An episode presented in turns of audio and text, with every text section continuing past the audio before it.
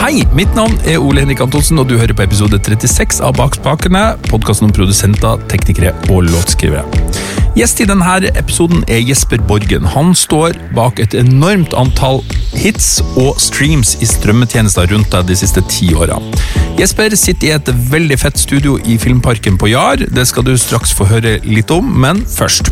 Bak spakene lages i samarbeid med Benum, som bl.a. importerer Universal Audio. De fleste vet at Universal Audio har en stolt historie, og at merket i sin tid ble grunnlagt av den legendariske lydteknikeren Bill Putnam. For så å bli relansert av sønnene hans for ca. 25 år siden.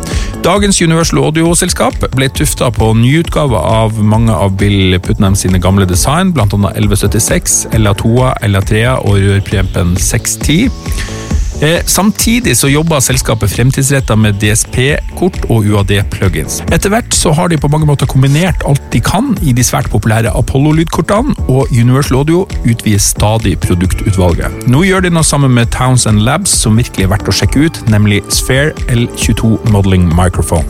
Ja, det dreier seg om mikrofonmodellering, og med Sphere L22 så kan du velge mellom 34 ulike modeller, og det her er altså kjente klassikere fra Neumann, Telefunken, AKG, Sony osv. Her er det gamle og nye ribbons, rørmikrofoner, kondensatorer, dynamiske mikrofoner osv. osv. Alt som du trenger. Sphere L22 har en stereokapsel, og den kan brukes til stereoopptak. Men teknologien er mye mer innovativ enn som så. For det hele styres med en plug-in i Universal Audio Console eller i din DAV. Og det kule er at etter at du har spilt inn, så kan du bytte mikrofon, retningskarakteristikk eller gjøre om på andre mikrofonvalg. På Facebook-sida til så har jeg delt en video fra Vintage King. Der får du en veldig fin innføring i hva Sphere L22 Modeling Microphone er. Sjekk det ut, det er veldig spennende. Og så kommer det aller viktigste. Fram til 31. desember så er det 4500 kroner i avslag på denne banebrytende mikrofonen. Den koster normalt 16.495, men ut året så kan den bli din for 11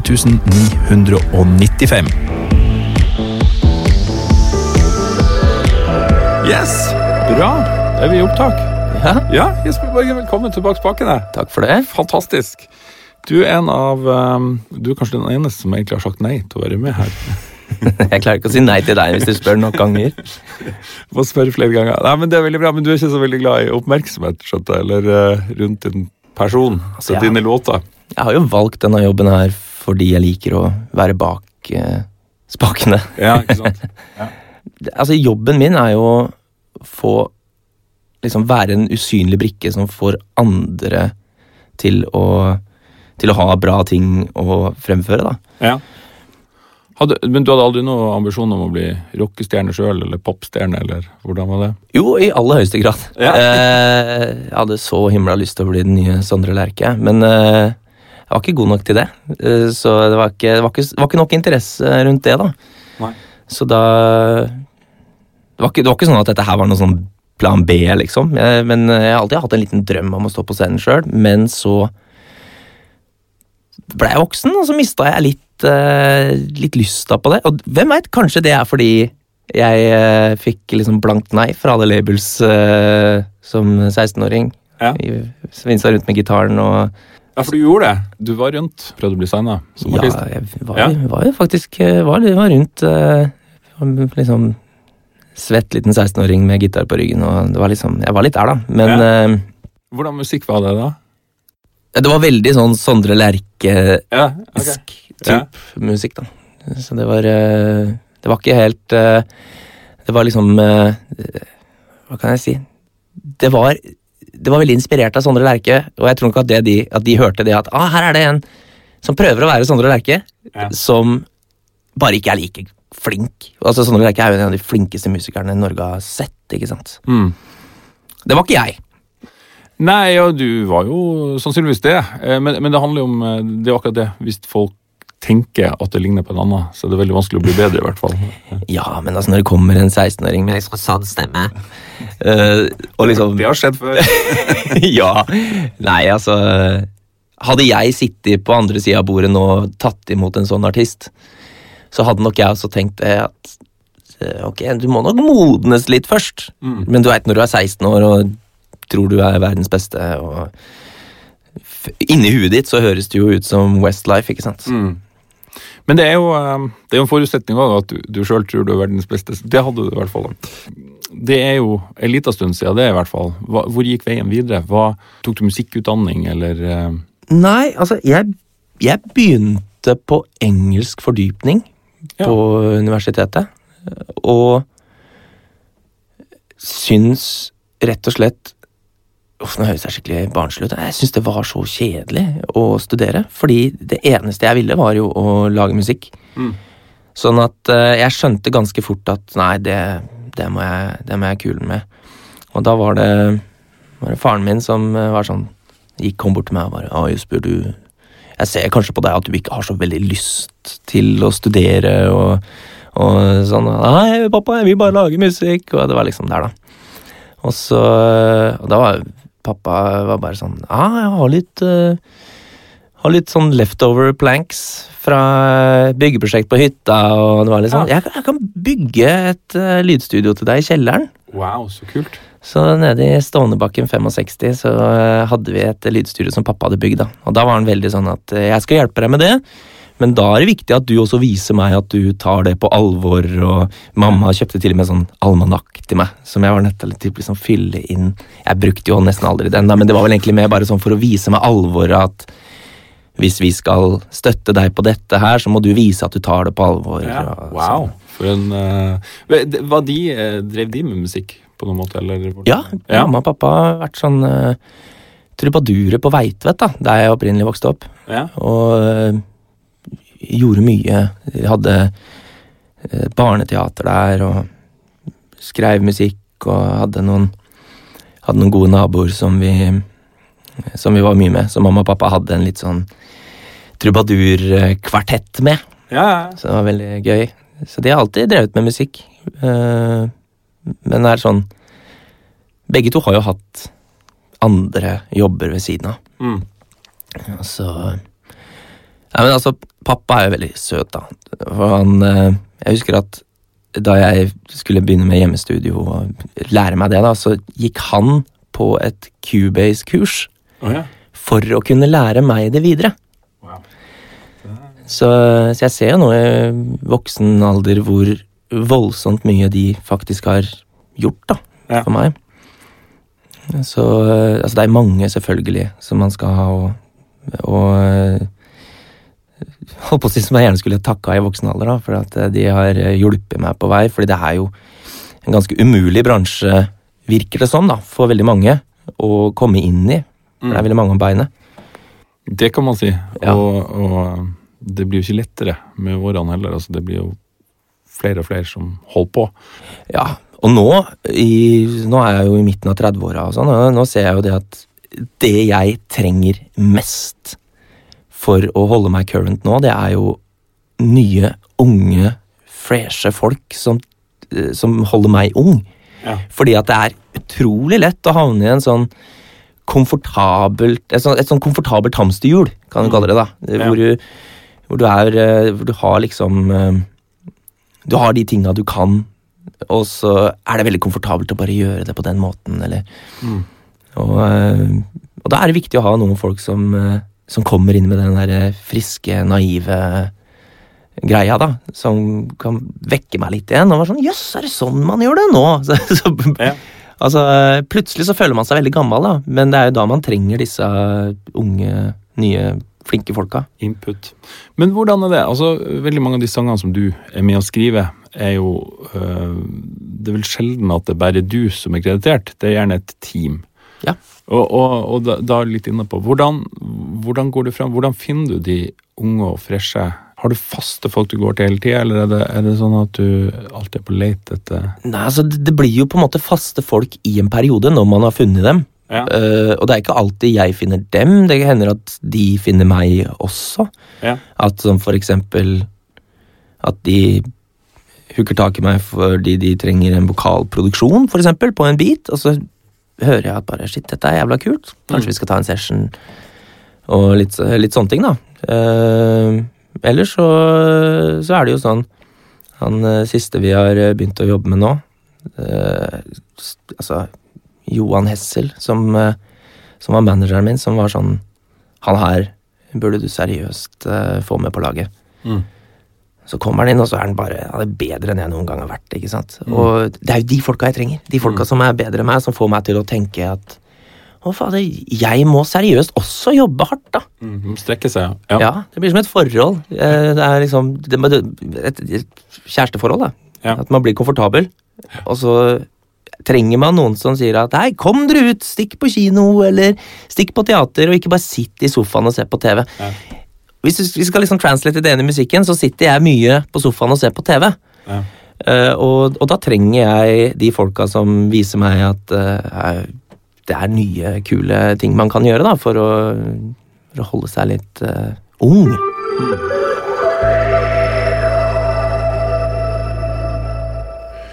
Focusrite har lansert to nye lydkort spesielt beregnet på podkast og streaming. De heter Vocaster 1 og Vocaster 2, og har henholdsvis én og to mikrofoninnganger. Du kan kjøpe de her lydkortene alene, men det kommer også bøndler som heter Vocaster 1 Studio og Vocaster 2 Studio. Importøren har sendt meg sistnevnte, og i tillegg til lydkortet så inneholder pakken mikrofon, mikrofonkabel og en hodetelefon. Altså alt du trenger for å sette i gang med podkast, kanskje utenom et mikrofonstativ og eventuelt en ekstra mikrofon hvis du skal ha gjester og ikke gjøre det her over telefon. For Vocaster 2 lar deg koble telefonen din rett inn, enten analogt via linje eller digitalt med Bluetooth. Mikrofonen i pakka heter Vocaster DM14V og kan også kjøpes separat. Av utseende så er den ikke helt ulik en ganske kjent sjømikrofon som brukes i veldig mange podkaster. Jeg syns den fungerer veldig bra med god lyd. Det er den som jeg snakker i nå. Studiorommet mitt ligger i Kvadraturen i Oslo. Her er det ganske mye støy ute fra gata. Det er bygningsarbeid, trikker og busser osv. som kjører forbi. Eh, Vocaster DM14V den plukker ikke opp så mye av denne bakgrunnsstøyen når det er lyd i forgrunnen. Der går den en trikk forbi. Eh, men når jeg snakker, så hører du ikke så mye av den, og det er en veldig stor fordel i tallopptak. Hodetelefonen heter Vocaster Studio HP60V, og det er ikke så mye mer å si om den enn at den er god å ha på og låter bra. Les mer hos focusrite.com og hos importør Lydrommet på lydrommet.no. Jeg mener det var noen forskning en gang som sa 27 år er liksom alderen der du altså Folk generelt sett slutter å tilegne seg ny musikk. Det, det er mulig det er foreldre og sånn, men at man eh, er jo betydelig eldre enn deg og har jo merka det også, særlig når jeg har slutta i stor Eller jeg jobber ikke så mye med musikk lenger. Og, og da hører du bare mer på musikk som du etter eget forgodtbefinnende. Du har ikke det der eh, analytiske, profesjonelle forholdet til det. Og da blir det jo veldig fort mye gammel musikk man, man hører på. Ja, Det er interessant. Nei, altså akkurat, akkurat det tror jeg nok sånn for min del at Altså, ja, jo, jeg, jeg tror du har rett i det når det gjelder smak, men en stor del av jobben min handler jo om at jeg er nødt til å høre på det som En som skal lage popmusikk, må jo det. Altså, Ja. du, og popmusikk er for kids eh, at the end of the day. Eh, så Altså hvis jeg skal På en måte Hvis, hvis jeg skulle ha stoppa da jeg var 27 år, så hadde, så hadde jeg typ hørt på musikk og, og hatt, altså, hatt referanser til musikk som hadde vært ekstremt dated, ikke sant? Mm. Og så, ja, og så er det, er det sånn eh, Det her har jeg tenkt mye på, for jeg har tre gutter, og så er det jo mye som, som resirkuleres og sånn. Det er mye som jeg hørte på som de også syns via TikTok og sånn er kjempekult, og de tenker at det er fra nå. Men eh, når de igjen blir litt eldre, så er det vel også hva, hva er kidsa opptatt av? Altså Når de er mer inne i tekster, eh, som, som også blir veldig vanskelig etter hvert som du blir eldre, så blir det vanskeligere å, å, å sette det inn i et, i et 16-årig hode, eksempel. Uff, ja, det sliter vi med. Ja. Med veldig mye. Det er sånn Ja. Altså, vi er fortsatt litt der hvis vi skal lage musikk eh, for noen eh, unge artister, da. Ja. Og så setter vi oss ned og bare Hva er det som er kult å si nå? Man sier ikke lol lenger. Nei, ikke sant? Ja. Altså, og, man, og man sier liksom hva, hva er det man sier nå? Liksom? Det, det er så lett å bli gubbis når du, når du prøver å være hipp, og ingenting er verre enn sånn krampe Ja. Ja, det er det kleineste i hele verden. ja. Du, du får det forholdsmessig Du får det yngre dame, da. Det er det du sier. Ja, det Ja, det ble feil. Er- Nei, altså der vil jeg sitere, sitere Halvdan Sivertsen. Jeg vil ha en gammel kvinne når jeg blir en gammel mann. Ja. ja, det er bra. Det er bra sagt. Ja, det er ikke jeg som sa det, det er Halvdan Sivertsen. Ja, det er bra sitat.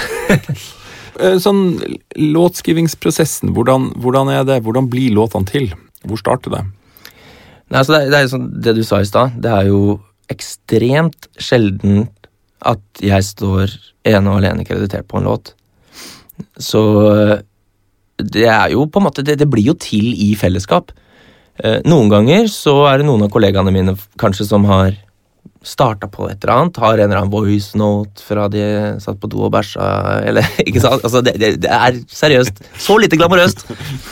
Uh, eller at uh, altså jeg med to små barn er jo veldig ofte på jobb veldig mye tidligere enn kollegaene mine. Ja. Så da hender det ofte at jeg også har bare sittet på, sittet på keyboardet og bare prøvd ut uh, 100 ulike ting. Så er 99 av dem skikkelig dårlige, og så er en av dem kanskje bra. ikke sant? Og så eh, Altså, vi har veldig ofte noe å starte med. Det er veldig sjelden at vi møtes i session, og alle er sånn øh, Hva skal vi gjøre? Skal vi starte med noen korder? Det er jo ofte liksom det folk ser for seg. Ja. Er, nå merker jeg at det er veldig, veldig sjelden at vi starter en session sånn. Det er Stort sett så er det noen som har øh, Som har en eller annen idé, om det er en tekstlinje øh, Altså For eksempel eh, Jeg og kona mi var sånn Vi hadde en, eh, en guilty pleasure. Vi satt og så på en såpeopera på TV. Du veit jo med såpeoperaer, du blir jo helt gira, ikke sant? Og der var det en veldig kul eh, linje hvor det var sånn Hva ønsker du deg til bursdagen din? Liksom. "Uh, All I need is eight hours of sleep and a cupcake. Og jeg bare Eight hours of sleep and a cupcake? Det er jo en genial tittel! Ikke sant? Og da, og da, da gjorde jeg noe på det. Eh, hvor jeg egentlig bare sang gibberish på absolutt alt. Men Ja. jeg ville ha liksom Eight hours of sleep and a cupcake. tenkte jeg det var kult. Ja. Alt annet var bare bullshit og gibberish. Så sendte jeg det til en amerikansk låtskriver og tenkte hun kommer sikkert til å synes jeg er uh, fjollete som kommer med dette her. Det første hun sier er Wow, det er dritkult! Vi bygger noe rundt det. Og så skriver hun ferdig teksten der borte, spiller inn vokalen og sender over, og så produserer jeg det opp ferdig. Det er veldig mye som går sånn nå. Mm. At man sender over voice notes til hverandre. og Ja, for det, det var det jeg skulle spørre om, i, i hvor stor grad blir, blir produktet på en måte ferdig hvis man har en session da, altså sammen, men da har du svart på det. Så greit, Det er jo ingenting som Det er, det er jo aldri verk... Altså, det må aldri være én ting, på en måte. Det er, eh, det er veldig forskjellig. Noen ganger så, så kan det hende at, eh, at jeg og Magnus, eller jeg og Tommy, som Magnus og Tommy jobber også her Det er veldig sjelden at vi blir 100 ferdig med en demo. Eh, På et eller annet tidspunkt så involverer vi gjerne noen som er litt yngre, som kanskje har litt sånn yngre approach til tekst. Mm. Og som gjerne også kanskje kan levere demovokal. Fordi det blir også ja, Selv om eh, jeg jobber jo med Morgan Sulele, som er en av de største artistene vi har i Norge, men likevel så er det sånn at han låter veldig Morgan Sulele. Ja. Ikke sant? Sånn at eh, demoene blir veldig farget av det. ikke sant? Ja. Og verken jeg eller Tommy er så veldig komfortable med å, med å synge så veldig mye på demoer, så det ender ofte med og så skal det si, ja, det ender ofte med at vi sender det til noen andre for vokal. Men, og stort sett så pitcher vi jentelåter. Det er ofte mye lettere, merker jeg, da.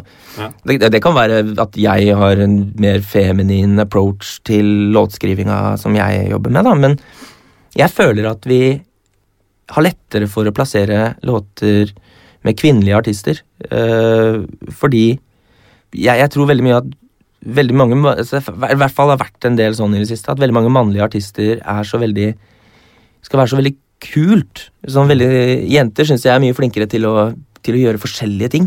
Mm. Noe som åpner opp horisonten litt for oss som låtskrivere. da. Mm. Og det, fordi jeg har aldri vært veldig kul.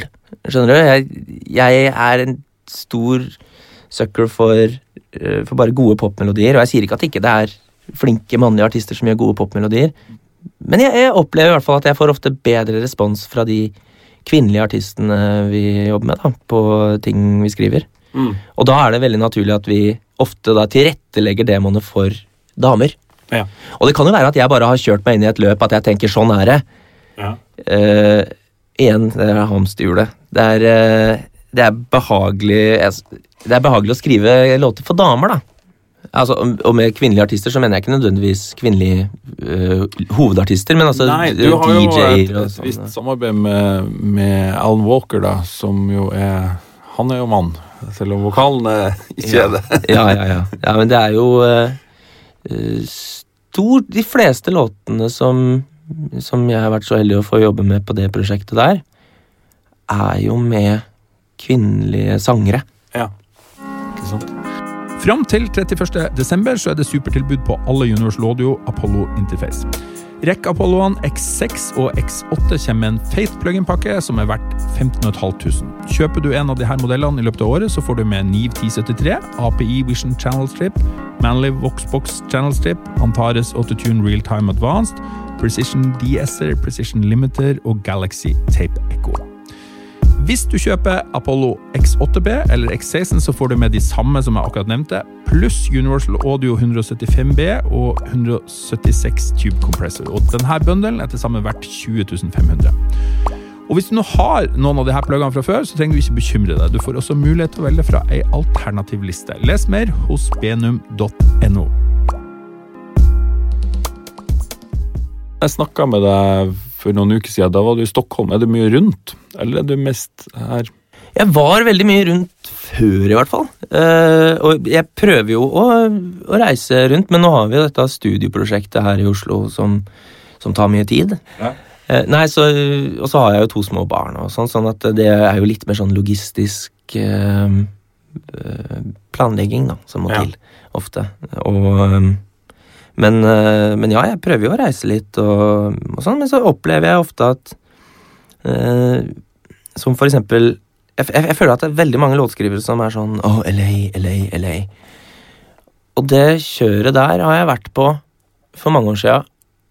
Og jeg skal ikke si at det er sånn fortsatt, men jeg kjente på meg at um, At der var det et sånt uh, en eh, pace som jeg ikke helt uh, kjente for å følge, følge med på. Altså, jeg, jeg, hadde mer Jeg fant mer glede i å sitte hjemme i Oslo eller i Stockholm.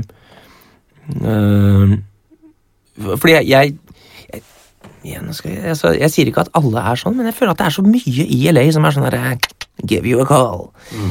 Uh, love your stuff. Ikke sant? Hele den greia der. Og, og det, for meg blir det litt Det er ikke helt uh, sånn jeg trives, da.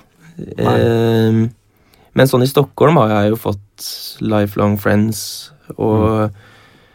jeg drar jo ofte til Stockholm ikke bare for å jobbe, men fordi jeg savner kameratene mine, ikke sant? Ja, ikke sant? Ja. Og, og, det er liksom Ja, altså, det er jo klart at noen ganger så er det jo lurt å reise steder fordi for eksempel hvis det er en artist som er på turné, mm. uh, og så har vedkommende en, en, dag i Berlin å slå i hjel, ikke ja. sant? Så er jeg ganske rask på å kapre Tilfeldigvis være i Berlin. Ja. ja. Så, um, så det er jo klart at det er viktig å følge med på det. Og det, det er greiene der kan jo ikke jeg noen ting om, men der er det jo manageren min som, som, som løser det. ja, du har en manager som Ja. Som. Aslak Klever, min klippe. Ja. så, Popular Demand, Popular Demand. som selskapet heter. Der er det jo mange som gjør det veldig bra. Og eh, hvordan er det egentlig? Det føles som Oslo har blitt et veldig sånn musikkby nå. Det er mange som holder på. Ja, det er eh, Oslo har blitt et mer interessant sted for folk å dra. Ja. Eh, på grunn av at det er veldig mange gode låtskrivere her. Uh, og og så er det jo litt sånn også at eh, Oslo, altså Norge har i mange år ligget litt, litt bak Sverige, føler jeg, sånn på Når det gjelder musikkeksport. Og så har det eh, de siste ti åra begynt å bygge seg opp. Altså Du ser jo det med Sigrid, og mm. det er jo verdensinteresse, ikke sant? Fordi hun er fantastisk flink, selvfølgelig. Men jeg tror også at, uh, at folka bak jobber det mer mot utlandet også. Ja. At det er ikke lenger fokus på at altså Første fokus er ikke lenger vi må få det på P3. Nei. Må, Nei. Selv om det også er en flott bonus, så tenker folk gjerne litt større nå da, enn det de gjorde før. Og det er veldig bra. Mm. Eh, det, har, det, har, vært eh, det, I altfor mange år altfor stor fokus på P3. Altså det å Ja, det blei litt sånn synonymt med å være kul. Mm. Uh, og da blei det litt det ble litt giftig for bransjen, tror jeg. da. Jeg sier ikke at P3 er giftig, men at Nei da, de er bare fine folk, de, altså. Men, men det, med, det, blir veldig smått, da. Ja. Eh, suverene folk, men kulturen rundt Mm. det å ha en sånn cool hub er ikke så veldig lurt og sunt, da. Nei. Uh, og det tror jeg ikke de syns heller. Jeg syns jo P3 har blitt helt enestående nå. med liksom, De, de, er jo, de har en veldig, veldig spredt uh, Spre... Eller hva heter det? Brei horisont nå, Ja. da. Ja. Uh, og, det- er jeg veldig glad for. Løfter opp nye, unge talenter og sånn. Det er bare viktig altså at Det har vært veldig viktig for norsk musikkbransje at ikke P3 har vært eh, endestoppet for folk. Mm. Folk nøyer seg ikke lenger bare med det. Nei. Ikke sant. Eh, og det er jeg glad for. Og det er jo kanskje flere ting som har gjort det. Altså En årsak er at det rent økonomisk sett holder seg. Eh, Det, det er ikke sånn at om du kjenner på P3, så, så er det veldig veldig vanskelig å leve av det her. Eh, fordi at eh, Ja.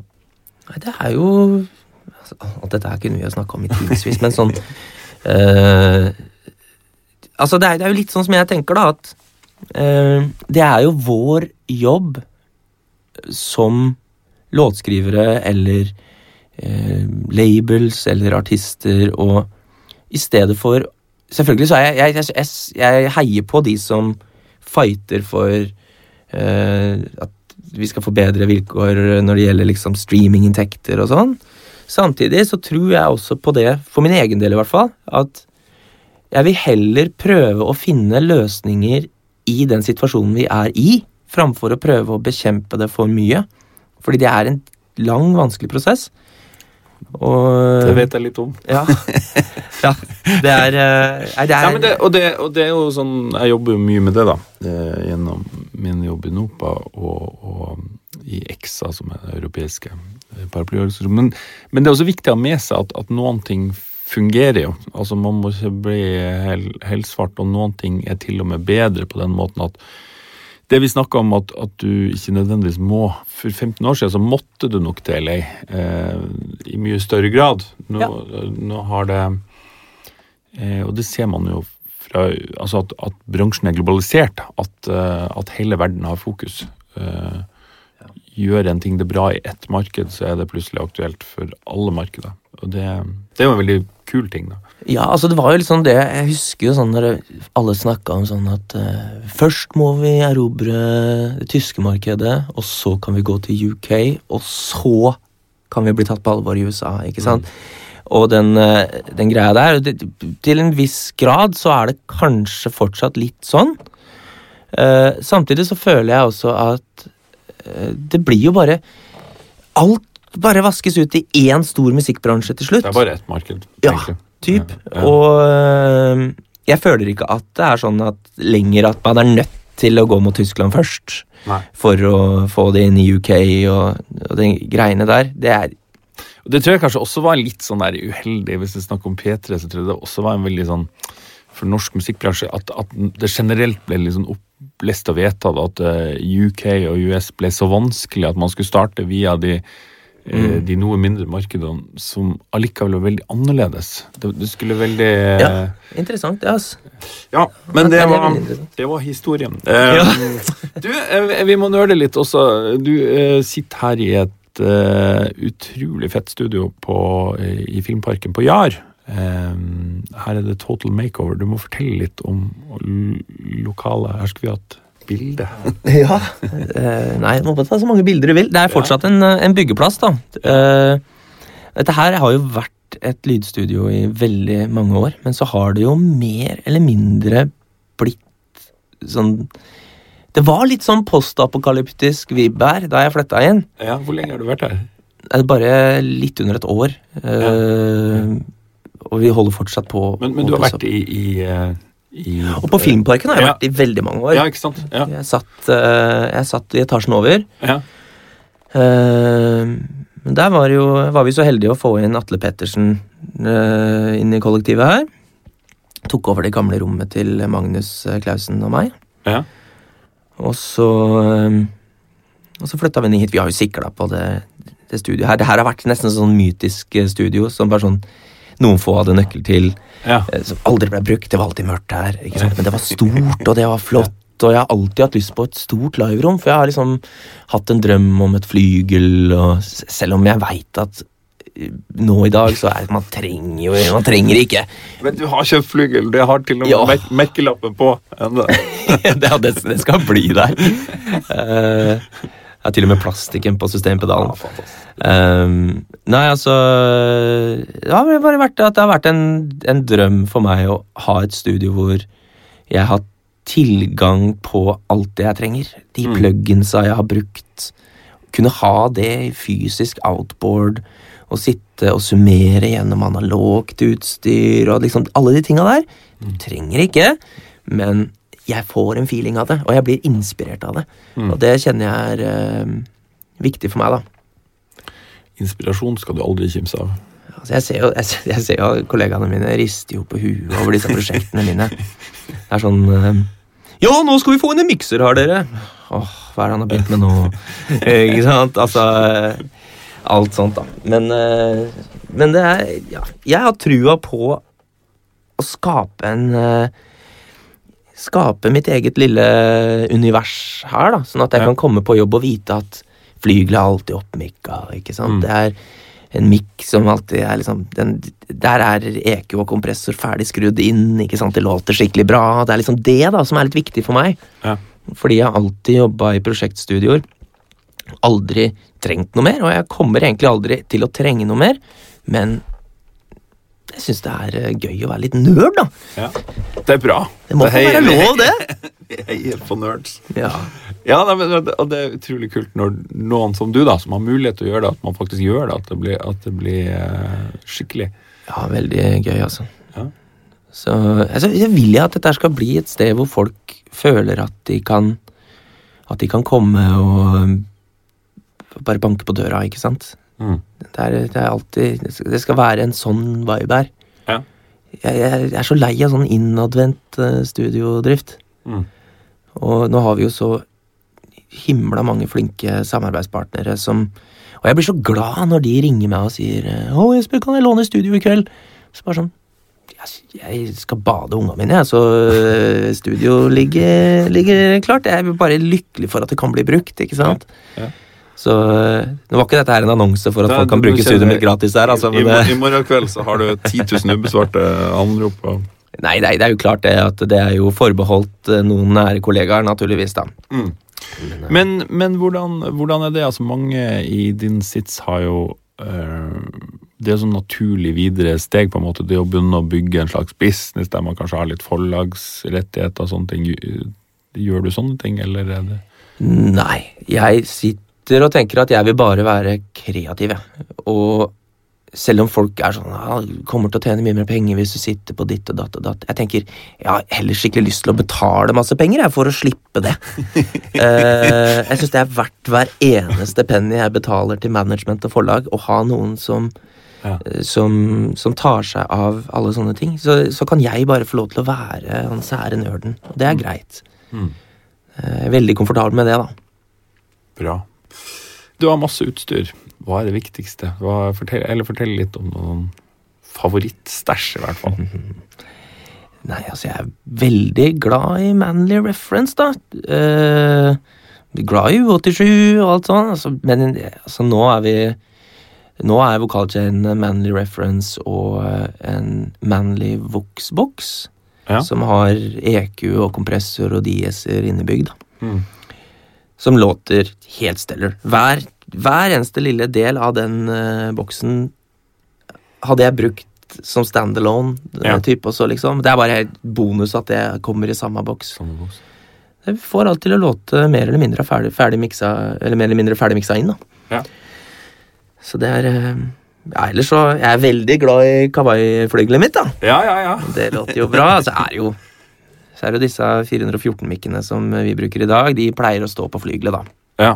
Og de kjører jeg inn i Faktisk en Heritage Audio har jeg fått veldig sansen for. Britstrip.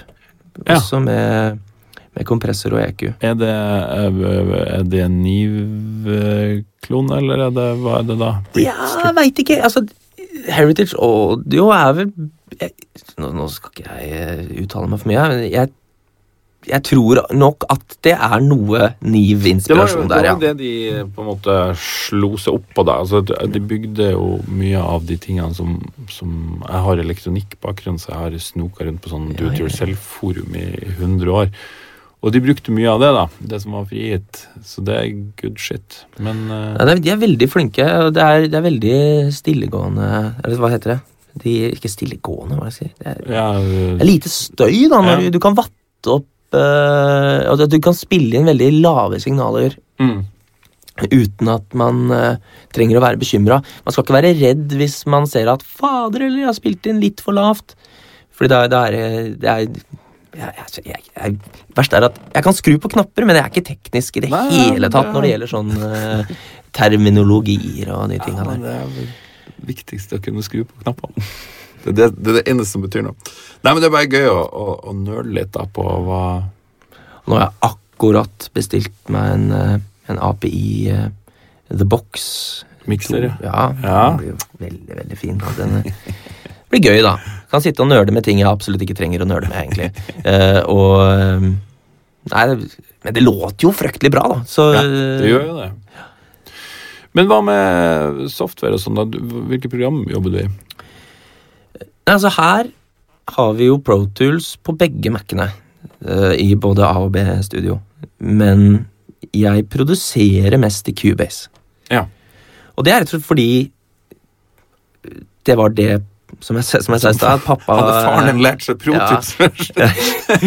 Nei, altså pappa, pappa lærte seg Cubase for å lære meg. Da satt jeg Cubase S6, husker jeg. Det var fryktelig lenge siden.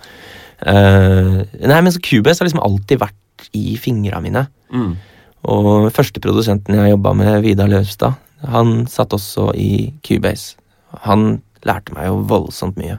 Og, og der er det jo Der er det jo eh, Så det ligger mye i det. Sånn Jeg har lyst til å være som Vidar. Ja, ja. Skjønner du? Alle vil være som Vidar. Nei, men det er jo noe med Altså, det har jo egentlig ingenting å si. Det er bare hva man Hva man, eh, hva man er komfortabel med. Jeg, jeg brukte jo eh, Jeg er jo så gammel, vet du, men jeg, jeg, jobba med sequencere før det ble DAOS. Var gjennom egentlig alt, og så skifta jeg til Protus for over 20 år siden. For jeg hadde først Protus Hardware, som var Logic på. Men, men til denne dag så er det fremdeles ting jeg har altså hatt Logic og Ableton og alt sånn alltid. Men det er noe med det du ikke har i fingrene. Ableton har jeg aldri lært Altså, jeg kan jobbe i det, men jeg har aldri gidda å lært meg det. Og det har jeg liksom alltid vært på lista. Det må du jo kunne nå.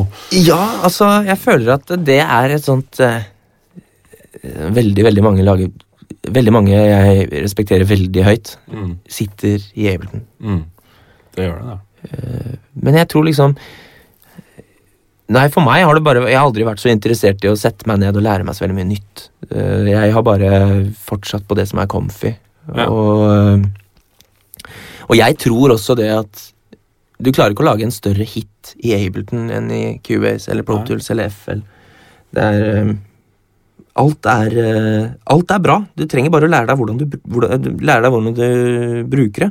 Mm. Altså, jeg, jeg tror på det at du kan komme på Billboard med en låt som er produsert i GarageBand òg, ikke sant? Jeg- Det verste er at det tror jeg noen har gjort. Helt, helt, helt, helt sikkert. Som er eh, jeg har stor tro på det at eh, folk må bare finne den eh, plattformen de liker sjøl, Mm. og lære seg å skru rundt. Og det er jo litt sånn med, med gamle studioer òg. Selvfølgelig, da er det jo mer sånn med sånn gamle miksere og lyd og sånn. Jeg tror ikke at jeg, jeg tror ikke at det er liksom mikseren som de brukte på den og den plata, som gjorde den stor, ikke sant? Om det er en Amec eller Niv eller whatever. Er, bra blir det jo. Ja, ja. Og det aller meste av det man brukte på den tida, hvis du ser bort fra NIV og API, og sånn, var jo mye dårligere enn en den signalgangen du sitter på i dag, selv Ja. på ganske kjipe ting. Altså Nå kan du ha et lydkort til 1200 spenn som låter klarere og bedre enn de Ja. dyreste miksepultene på 80-tallet. Ja, Det er sant. Så Så, men, eh, men det er som du sier, det er jo eh, inspirasjon, da. Der, der kan det jo være noe. Eh, hva, hva med instrument og sånn? Det står en god del gitarer og basser rundt omkring her, og piano. Noe synt eller noe sånt? mm, Når det gjelder synter, så sitter jeg stort sett i boksen. Ja. Eh, for der syns jeg det er veldig mye eh, bra ting Men. Så er det Jeg har jo noe analog uh, synt-greier òg, men det er egentlig mer bare for å få litt sånn flavor innimellom. Ja. Eh, men jeg sitter ikke på noen dyre, fancy greier der. Jeg sitter på en prolog eh, som jeg er veldig glad i. Ja. Eh, det er vel det det heter. Altså, Jeg har ikke brukt den på halvannet år, så jeg Veldig viktig. Ja, ja, den er ikke, den er ikke så viktig for meg. Uh, Men hva, hva bruker du av, av soft-ting? Altså, hva, hva, hva lager lyd? Uh, altså, jeg er veldig glad i serum. Eh, fordi d- altså, jeg liker å slippe å skru så himla mye på synter. Jeg liker Ja. å skru på lyd, men på synter så syns jeg det er deilig å på en måte bare forholde meg til cutoff-knappen, egentlig. Uh, og det som er digg med, med serum, er jo at sånn typ hver måned så kan jeg gå inn og kjøpe en ny sånn eh, Hva heter det? Sånn preset pack. Ja. Så blir jeg inspirert til å skrive fire nye låter, og så neste måned så kjøper jeg en ny en. ikke sant? Så øh, jeg gjør det ganske enkelt, altså. Det er, Ja. det er ikke sånn at jeg sitter og nøler på det. Jeg, jeg finner kicksa mine fra, fra Splice, liksom. Ja. Så øh, jeg sitter liksom ikke med 909 og skrur og finner liksom Nei, Nei det, det, det går veldig mye i, i hva som er lett å få til. Men ironisk nok så strider det veldig imot alt det andre jeg har satt opp her, med, med sånn analogt utstyr. Men for når det gjelder lyd, Ja. sånn innspilt materiale, sånn av trommer eller flygel og vokal og alt sånt der, så liker jeg å nøle og finskru det bra inn. Men på synter så er det litt sånn Jeg liker å ha muligheten til å kunne bytte det etterpå, eller sånn type Ja. ting. Så, øh, så det er, ikke så hokus pokus. Nei. Det er, øh, bruker nok de samme lydene som de fleste andre bruker. Bra.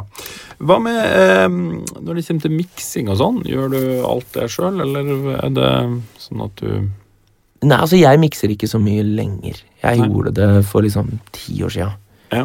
Um, men så ehm, Så ser jeg nå at når jeg leverer Altså, businessmodellen min nå er jo mer å levere sanger Ja. og prøve å få med ett eller to organiske elementer i demoen som forhåpentligvis artisten eller de produsentene som skal ferdigstille det, ikke har lyst til å bytte ut.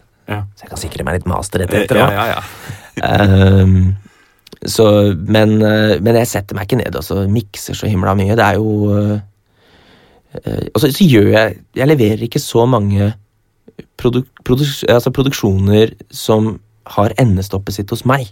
Nei.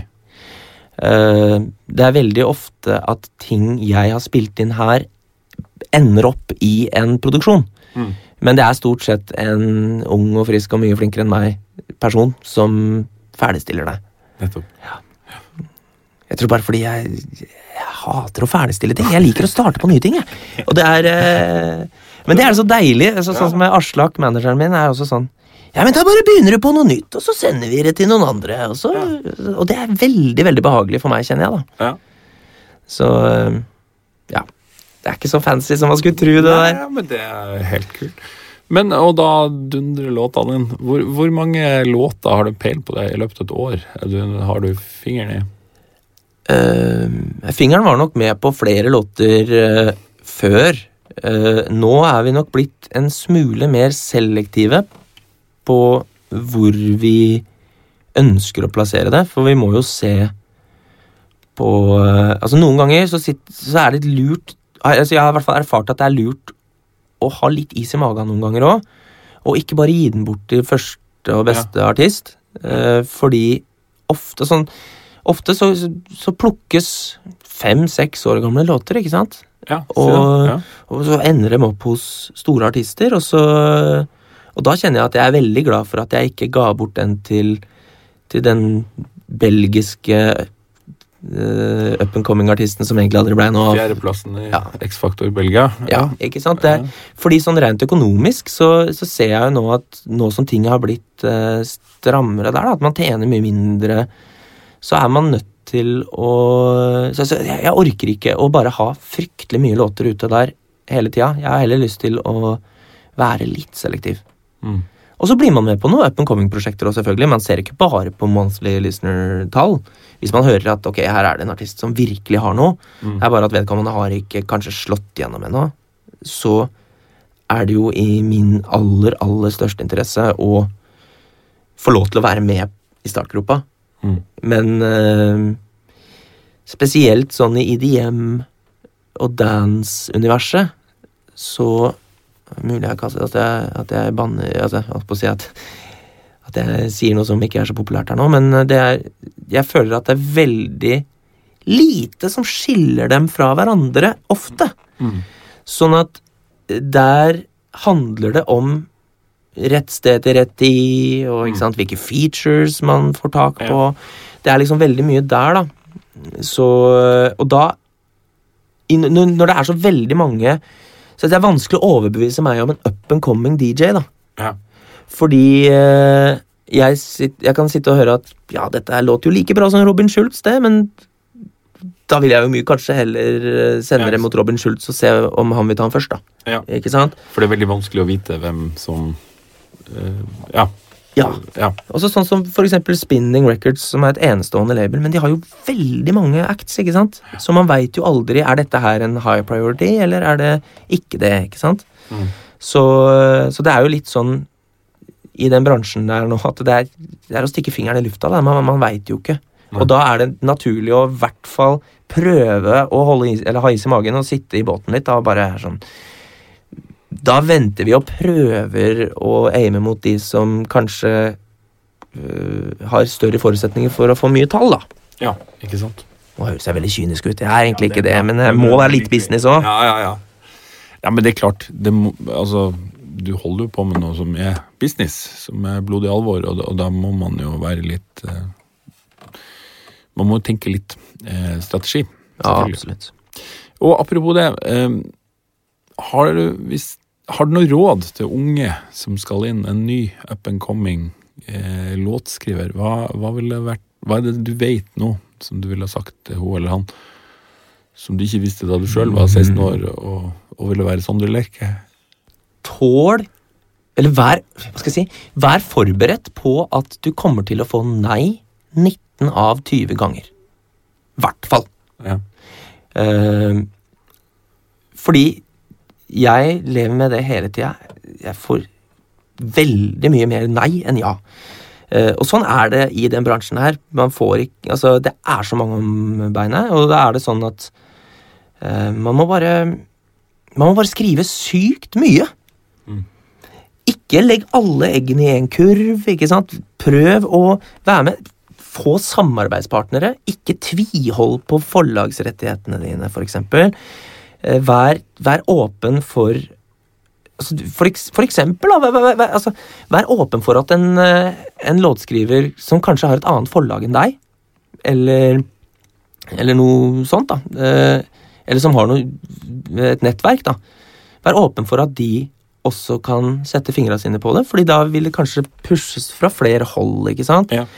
Eh, ikke vær redd for å få inn folk. Det tror jeg er det viktigste for meg, for jeg merker at jeg får så veld, veldig, veldig mye igjen for å involvere andre mennesker. Eh, både for, eh, fordi det blir bedre å få flere Mm. kreative hoder, men sånn rent politisk så er det veldig smart å å involvere folk, mener jeg, da. Eh, eh, Flere får eierskap ja, i, i det. jeg, jeg har Ja. trua på det, da. Mm. Og øh, ny input og Og så så er det noe med det at man må også være obs på det at Eller hva skal jeg si? Man må være forberedt på at hvis låta, hvis låta blir plukka opp, så kommer det nok til å være tre, kanskje fire andre som vil bli kreditert i sluttprosessen også. Ja. Som, som er med i låta, eller som bare skal ha Nei, det varierer jo, da. Ja. Noen ganger så er det jo ofte kanskje en, manager Ja, ja. som, øh, som ender opp skrevet låta med, med han Simon Cowell. Jeg har aldri møtt han, men eh, det står i sto i iTunes at vi hadde skrevet den sammen. Det er gøy, det vil jeg fader meg Hvilken låt er det? Eh, Det var en låt med en som heter Shane Ward. Så fantastisk kult, da. Ja, det, det var 20 til Simon Cowell. Han, øh, ja. Han vil, sikre seg, han vil sikre seg å ha penger for alltid. Det er et stort problem. De vil sikre seg å ha penger for ofte. Så følger jo en managementskontrakt med en sunset clause, for eksempel, da, hvis man avslutter. Som for de som ikke skjønner det, så er det en, gjerne etter at avtalen er over, så er det tre år med dalende prosent for å sikre at manageren ikke øh, Eller for, for å sikre manageren øh, Men etter de tre årene så får jo ikke manageren noen ting. Nei. Men hvis manageren har sikra seg for, altså publishing da, i låta, Ja. så vil jo det gå utenom Sunset Closen. Så da vil de sikre seg inntekter fra artister de ikke lenger jobber med, kanskje. Og det, og det er jo et problem som jeg mener man burde sette litt i spotlighten, da. Fordi eh, det er veldig mange som er sånn Nei, men det er mye lettere at jeg bare setter meg opp med prosenter i publishing, så slipper vi å ta det via via. og sånn. Så bare sånn, Nei, vet du hva, rett skal være rett. Du skal få 20% av din klient, Mm. og ikke av publishingen. Nei. Det, det forminsker jo også alle oss andre.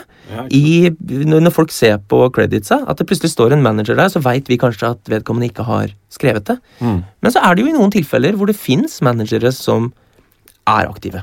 Og som, eh, og som skriver eh, låter, og da skal de selvfølgelig ha det.